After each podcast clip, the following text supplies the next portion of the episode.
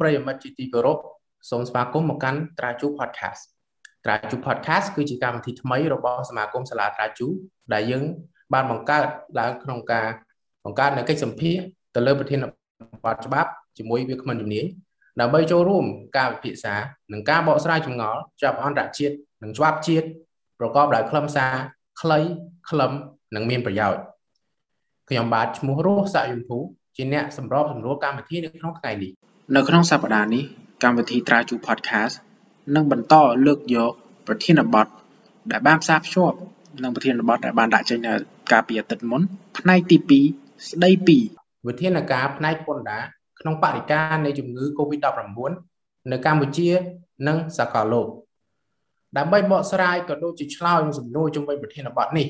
យើងបានអញ្ជើញលោកគឿយវិញគឿមបច្ចុប្បន្នជាអ្នកស្រាវជ្រាវជាន់ខ្ពស់សាលាត្រាជូ ជាមន្ត្រីរាជការពន្ធដារនៃនាយកដ្ឋាននីតិកម្មគោលនយោបាយសារពើពន្ធនិងសហប្រតិបត្តិការអន្តរជាតិពន្ធដារអន្តរជាតិនៃអគ្គនាយកដ្ឋានពន្ធដារនៃក្រសួងសេដ្ឋកិច្ចនិងហិរញ្ញវត្ថុលោកក៏ជាគ្រូបង្រៀនផ្នែកច្បាប់នៅសាកលវិទ្យាល័យភូមិន្ទនីតិសាស្ត្រនិងវិទ្យាសាស្ត្រសេដ្ឋកិច្ច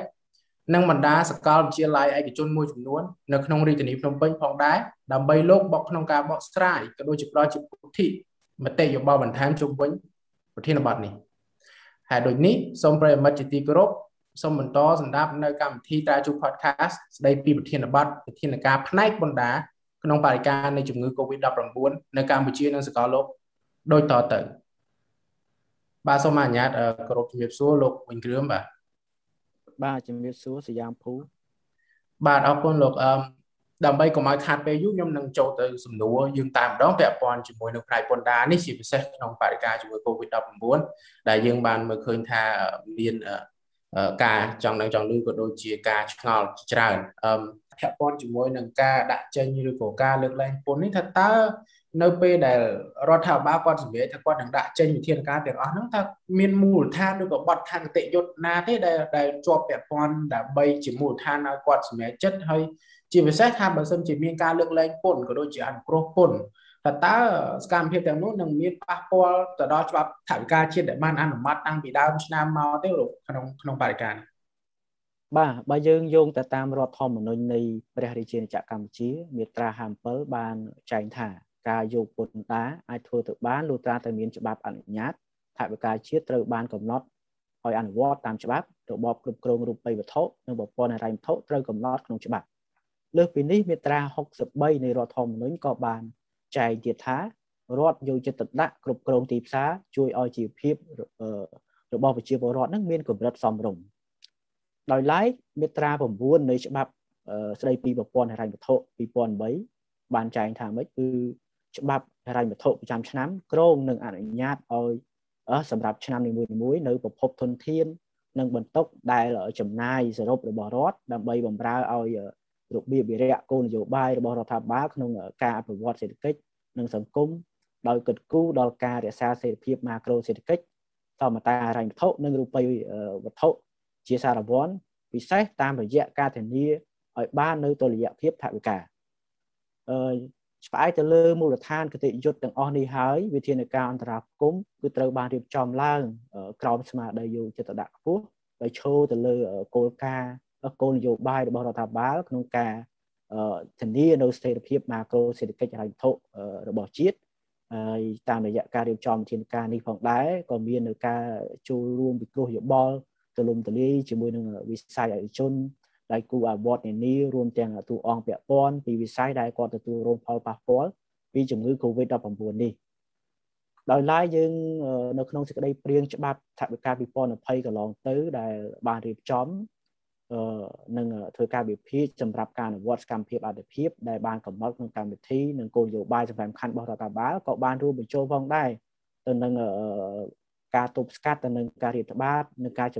កាត់បន្ថយផលប៉ះពាល់នៃជំងឺ Covid-19 ការស្ដារនិងការជំរុញកំណើនសេដ្ឋកិច្ចឲ្យស្ទុះងើបឡើងវិញដើម្បីបន្តបង្កើតការងារជូនប្រជាជនហើយពាក់ព័ន្ធទៅនឹង ការលើកលែងនិងការទទួលពន្ធនឹងតើវាប៉ះពាល់ដែរឬទេដល់ច្បាប់ថវិកាជាតិអញ្ចឹងមុននឹងឆ្លើយនឹងសំណួរនេះអឺយើងត្រូវដឹងថាច្បាប់ថវិកាជាតិយោងទៅតាមមាត្រា9នៃច្បាប់ស្តីពីប្រព័ន្ធហិរញ្ញវត្ថុសាធារណៈ2003បានចែងថាច្បាប់ហិរញ្ញវត្ថុចាំឆ្នាំក្រងនឹងអនុញ្ញាតឲ្យឆ្នាំនីមួយៗនៅប្រភពធនធាននិងបន្ទុកដែលចំណាយសរុបរបស់រដ្ឋដើម្បីបម្រើឲ្យរបៀបវិរៈគោលនយោបាយរបស់រដ្ឋាភិបាល ក្នុងការវិវត្តសេដ្ឋកិច្ចសង្គមនិងកិត្តគូដល់ការរក្សាសេដ្ឋភាពម៉ាក្រូសេដ្ឋកិច្ចសមតាហិរញ្ញវត្ថុនិងរូបិយវត្ថុជាសារព័ន្ធពិសេស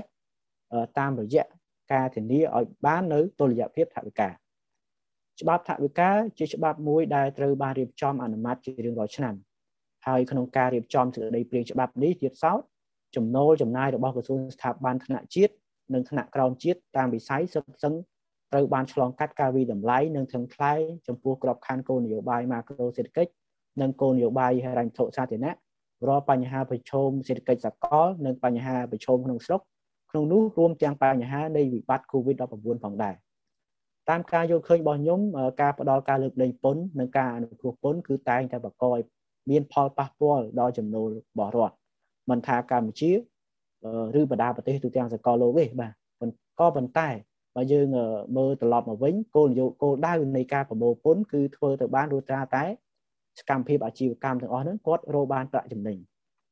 ដោយឡែកក្នុងកំឡុងពេលនៃវិបត្តិ COVID-19 អាជីវកម្មជាច្រើនក៏ទទួលរងផលប៉ះពាល់ធ្ងន់ធ្ងររហូតមួយចំនួននឹងប្រកាសបិទឬក៏ផ្អាកអាជីវកម្មបណ្ដោះអាសន្នក៏មានដែរអាស្រ័យហេតុនេះវិធានការអន្តរាគមន៍របស់រដ្ឋបាលជាផ្នែកមួយដ៏សំខាន់ក្នុងការទ្រទ្រង់និងស្ដារសកម្មភាពអាជីវកម្មនិងធុរកិច្ចនឹងឲ្យបន្តរស់រានឡើងវិញ បាទយ៉ាងណាមិញយោងទៅតាមការចេញផ្សាយរបស់អគ្គនាយកដ្ឋានពន្ធដារកាលពីថ្ងៃទី11ខែវិច្ឆិកាឆ្នាំ2021ក្នុងកិច្ចប្រជុំបូកសរុបលទ្ធផលប្រមូលចំណូលប្រចាំខែតុលាឆ្នាំ2021កន្លងទៅនេះបានឲ្យដឹងថាត្រឹមតែរយៈពេល10ខែឆ្នាំ2021នេះចំណូលពន្ធអាករដែលអគ្គនាយកដ្ឋានពន្ធដារប្រមូលបានហ្នឹងគឺលើសផែនការនៃច្បាប់ថវិកាជាតិហ្នឹង3%ទៅហើយបាទអញ្ចឹងបើសិនបើយើងគិតខែ 11ខែ12ទៀតអញ្ចឹងវាអាចលើសពី10%ទៅទៀតអញ្ចឹងឃើញថាទោះបីជាមានការលើកលែងពន្ធជាច្រើនពីរដ្ឋាភិបាលក៏ដោយប៉ុន្តែអឺឃើញថារដ្ឋនៅតែអាចប្រមូលចំណូលបានលើសពីផែនការនៃច្បាប់តម្រូវទៀតបាទអរគុណបាទសូមអរគុណលោកវិគឿមអឺយើងគិតមកដល់ថ្ងៃនេះតើតើរដ្ឋាភិបាលគាត់បានបានដាក់ចេញនៅវិធានការផ្នែកពន្ធដារអ្វីខ្លះដើម្បីឆ្លើយតប នឹងការប៉ះពាល់នៃជំងឺ Covid-19 ហើយភ្ជាប់ជាមួយនឹងសំណួរហ្នឹងថាហេតុអីបានជារដ្ឋាភិបាលគាត់ចាំបាច់ដាក់នៅវិធានការអន្តរាគមន៍ផ្នែកពន្ធដារនេះជាពិសេសសម្រាប់បរិការជំងឺ Covid-19 នេះបាទសូមអញ្ជើញលោកបាទអរគុណច្រើនសុយាមភូសម្រាប់សំណួរអឺចាប់តាំងពីមានការផ្ទុះរីករាលដាលនៃជំងឺ Covid-19 យើងឃើញថាពិភពលោកយើងចាប់ផ្ដើមជួបប្រទះនៅហានិភ័យសុខភាពធ្ងន់ធ្ងរ ដែលបង្ខំឲ្យប្រទេសជាច្រើននៅជុំវិញពិភពលោកនេះឈានដល់ការបិទប្រទេសម្ដងសន្នរួមទាំងកម្ពុជាផងដែរយើងគិតចាប់ពីថ្ងៃទី24ខែកុម្ភៈឆ្នាំ2020រហូតមកដល់ថ្ងៃ28ខែតុលាឆ្នាំ2021នេះរាជរដ្ឋាភិបាលកម្ពុជាយើងគឺបានដាក់ចេញនូវវិធានការអន្តរាគមន៍ចំនួន10ជុំរួចមកហើយហើយក្នុងនោះវិធានការ9ជុំដែលបានដាក់ចេញគឺមានវិធានការផ្នែកពន្ធដារនៅក្នុងនោះដែរ ដើម្បីគ្រប់គ្រងផលប៉ះពាល់លើវិស័យសំខាន់នៃសេដ្ឋកិច្ចជាតិក្នុងបរិខានៃវិបត្តិ COVID-19 ការស្ដារនិងជំរុញកំណើនសេដ្ឋកិច្ចកម្ពុជាក្រោយវិបត្តិ COVID-19 ជាពិសេសក្នុងវិស័យនិងបញ្ហាសំខាន់ៗដូចជាវិស័យកាត់ដេរវិស័យទេសចរវិស័យអាកាសចរគ្រួសារក្រីក្រនិងជនងាយរងគ្រោះនិងឧបឧបតវហេតុសហគមន៍ផ្សេងផ្សេងតាមរយៈការដាក់ចេញនៅវិធានការមួយចំនួនដូចជាវិធានការផ្នែកពន្ធដារនេះវា រួមមានការបន្ធូរបន្ថយនិងការលើកលែងពន្ធវិធានការជំនួយផ្នែកហិរញ្ញវត្ថុនិងទី3គឺកម្មវិធីជំនួយសង្គមដូចជាការផ្ដល់ប្រាក់ឧបត្ថម្ភសម្រាប់ជនក្រីក្រនិងជនងាយរងគ្រោះនិងវិធានការជំនួយសម្រាប់ផលិតកម្ម20កុម្ភៈកន្លងទៅនេះជាដើមបាទជាការឆ្លើយតប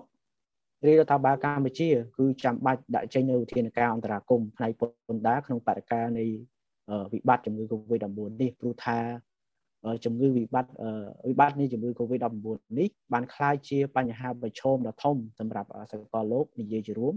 និងនិយាយដោយឡែកសម្រាប់កម្ពុជាហើយវាបានបង្កឲ្យមាននៅផលប៉ះពាល់ធ្ងន់ធ្ងរដល់សង្គមនិងសេដ្ឋកិច្ចនៅក្នុងបណ្ដាប្រទេសនានាទាំងក្នុងតំបន់និងសកលលោករាជរដ្ឋបាលភាគច្រើនជុំវិញពិភពលោកបានដាក់ចេញនូវវិធានការផ្សេងផ្សេងដើម្បីជួយស្រោចស្រង់កាត់បន្ថយនៅផលប៉ះពាល់និងគ្រប់គ្រងដល់កំណើនសេដ្ឋកិច្ច ដូចគ្នានឹងប្រទេសទាំងនោះដែរយើងឃើញថាកម្ពុជាយើងបានដាក់ចេញនៅវិធានវិធានការអន្តរាគមន៍នឹងចំនួន10ជុំរួចមកហើយដើម្បីគ្រប់គ្រងផលប៉ះពាល់លើវិស័យដែលទទួលរងផលប៉ះពាល់ធ្ងន់ជាងគេគឺវិស័យទេសចរយើងឃើញថានៅពេលដែលផ្ទុះកូវីដហ្នឹងគឺអ្នកទេសចរហ្នឹងមានការភ័យខ្លាចគេហ៊ានធ្វើដំណើរកំសាន្តជើងហោះហើរត្រូវបានបិទត្រូវបានផ្អាកអញ្ចឹងប្រទេសជាច្រើនហ្នឹងក៏មាននៅការបិទប្រទេសដែរអញ្ចឹងគឺវាធ្វើឲ្យមានផលផលប៉ះពាល់ដល់ ដំណើររបស់ភ្ញៀវទេសចរចូលមកកាន់ប្រទេសកម្ពុជាទី2គឺវិស័យកាត់ដេរ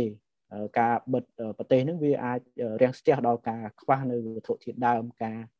ដឹកជញ្ជូននៃផ្សេងផ្សេងហ្នឹងពីប្រទេសចិនហ្នឹងដែលធ្វើឲ្យប៉ះពាល់ដល់វិស័យកាត់ដេរផងដែរទី3គឺវិស័យអាកាសចរវិស័យអាកាសចរនេះគឺប៉ះពាល់ខ្លាំងដោយសារប្រទេសជាច្រើនគឺបានបិទអញ្ចឹងជើងហោះហើរនេះគឺគឺអត់មានទេបាទគឺត្រូវបានផ្អាកផងដែរ អាស្រ័យហេតុនេះយើងឃើញថារដ្ឋាភិបាលនឹងគឺមានភាពចាំបាច់ក្នុងការដាក់ចេញនៅវិធានការអន្តរាគមន៍បន្ទាន់ដើម្បីគ្រប់គ្រងផលប៉ះពាល់នេះក្នុងគោលដៅធានានៅលំនឹងនៃសេដ្ឋកិច្ចសង្គមជាការឆ្លើយតបចំពោះសហគ្រាសឬជាក្រុមហ៊ុនដែលគាត់ទទួលរងផលប៉ះពាល់ជាពិសេសកម្មករយោចិត្តដែលប្រឈមទៅនឹងការបាត់បង់ការងារហើយកំណើនសេដ្ឋកិច្ចបានធ្លាក់ចុះខ្លាំងអាចជាហានិភ័យដល់សង្គមជាតិទាំងមូលបាទសូមអរគុណ បាទសូមអរគុណណាស់លោកគួយវិង្គឿមដែលបានចំណាយពេលវេលាដ៏មានតម្លៃចូលរួមជាវាគ្មិនកិត្តិយសក្នុងកម្មវិធីរបស់យើងហើយសូមអរគុណប្រិមិត្តជាទីគោរពដែលបានចូលរួមតាមដានស្ដាប់នៅកម្មវិធីតារាជូ podcast ស្ដីពីវិធានបទវិធានការផ្នែកពន្ធដារក្នុងបរិការនៃវិបត្តិជំងឺ Covid-19 នៅកម្ពុជានិងសកលលោកយើងក្រុមការងារ កម្មវិធីត្រាជូ podcast សង្ឃឹមថាប្រិយមិត្តនឹងទទួលបានចំណេះដឹងនិងពុទ្ធិថ្មីអំពីសំណាក់វាគ្មិនជំនាញរបស់យើងដែលលោកបានរៀបរាប់បានយ៉ាងក្បោះក្បាយដោយផ្អែកលើមូលដ្ឋានច្បាប់និងបច្ចេកទេសជាពិសេសក្នុងវិស័យពន្ធដារនេះជាចុងក្រោយខ្ញុំក្រុមការងារនិងវាគ្មិនកិត្តិយសសូមអរគុណក្នុងការតាមសូមអរគុណក្នុងការតាមដានស្ដាប់ក៏ដូចជាសូមអនុញ្ញាតគោរពលាសូមអរគុណ thank you